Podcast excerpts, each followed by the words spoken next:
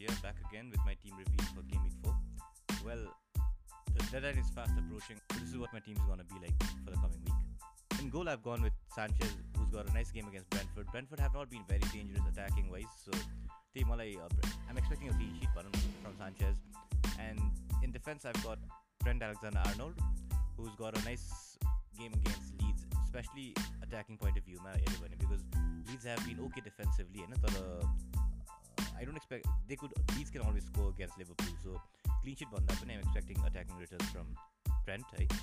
Uh, then there's Veltman, who's got a, game like just like Sanchez, he's got a good, he's got a game against Brentford, where I expect him to get a clean sheet for me. Not much.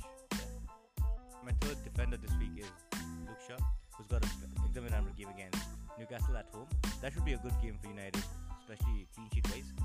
Yes, uh, Newcastle have been good attacking wise this year comparatively to last year, but so I think United can keep a clean sheet a money. So hopefully I get some decent returns from Luke Shaw. I haven't I haven't been very satisfied with him till now, but hopefully things turn around now. So that's my three at the back. In midfield, I'm going with Salah, who's got a very good game against uh, Leeds, where I think attacking chances are very gotta be is I'm expecting Salah to do well this week. I have thought about him for captaincy too, but let's see how it goes. My second option in midfield is Raphinha, who has been doing okay for me, but but the reason I still have him is he's got very good fixtures coming up. So yeah, this week with Liverpool, I, I hope he can do something because Leeds tend to be a very good attacking side. My third midfielder is Greenwood, who's got a nice home game against Newcastle United. Well, Newcastle cookies, uh, they've been they haven't been too good attacking wise, but defensively they've been very weak.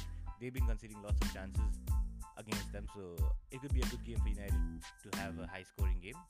My fourth midfielder this week is Jota, who comes in for Bruno Fernandes. Well, with Firmino injured, I think I get like at least three to four games with Jota, and Jota is playing up front in a very good Liverpool side. So Telegorda, I'm expecting good returns from Jota in this coming week. Plus, I think he's a good captaincy shout, a good differential captaincy shout because, yeah, I think there'll be good attacking returns for Jota in the coming game week. In forwards, I've got Toney, who's got a game against Brighton. Brighton are good defensively, and I've got two Brighton defenders in goal and in defense. Yeah, in that case, I'm a little, I'm a little 50-50 here because if he scores, I lose my clean sheets with my two goalkeepers, my goalkeeper and my defender. But yeah, if he scores and they don't get something, at least I get some attacking returns, so I, am not really worried about it.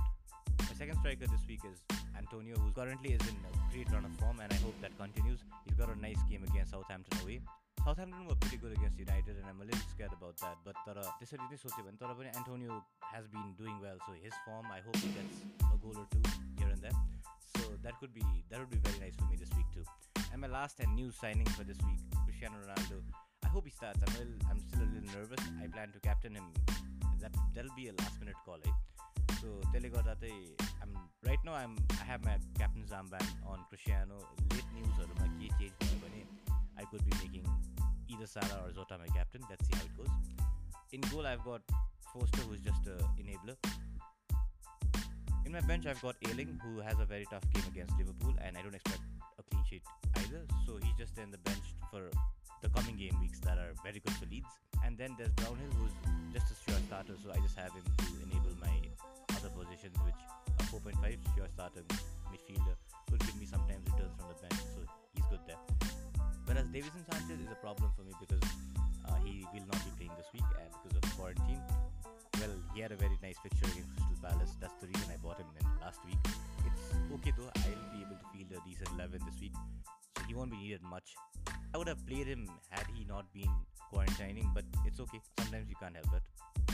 So well, that's my 11 and my bench for coming game week. So that's a bad thing that happened this week for me. Well, it's okay. I can still feel a decent team, so I'm okay without it. Well, that's what my team is looking like for this coming game week. I hope you all have a very good game week and wish you all the best. Uh, have a good time, have fun. Cheers. Take care.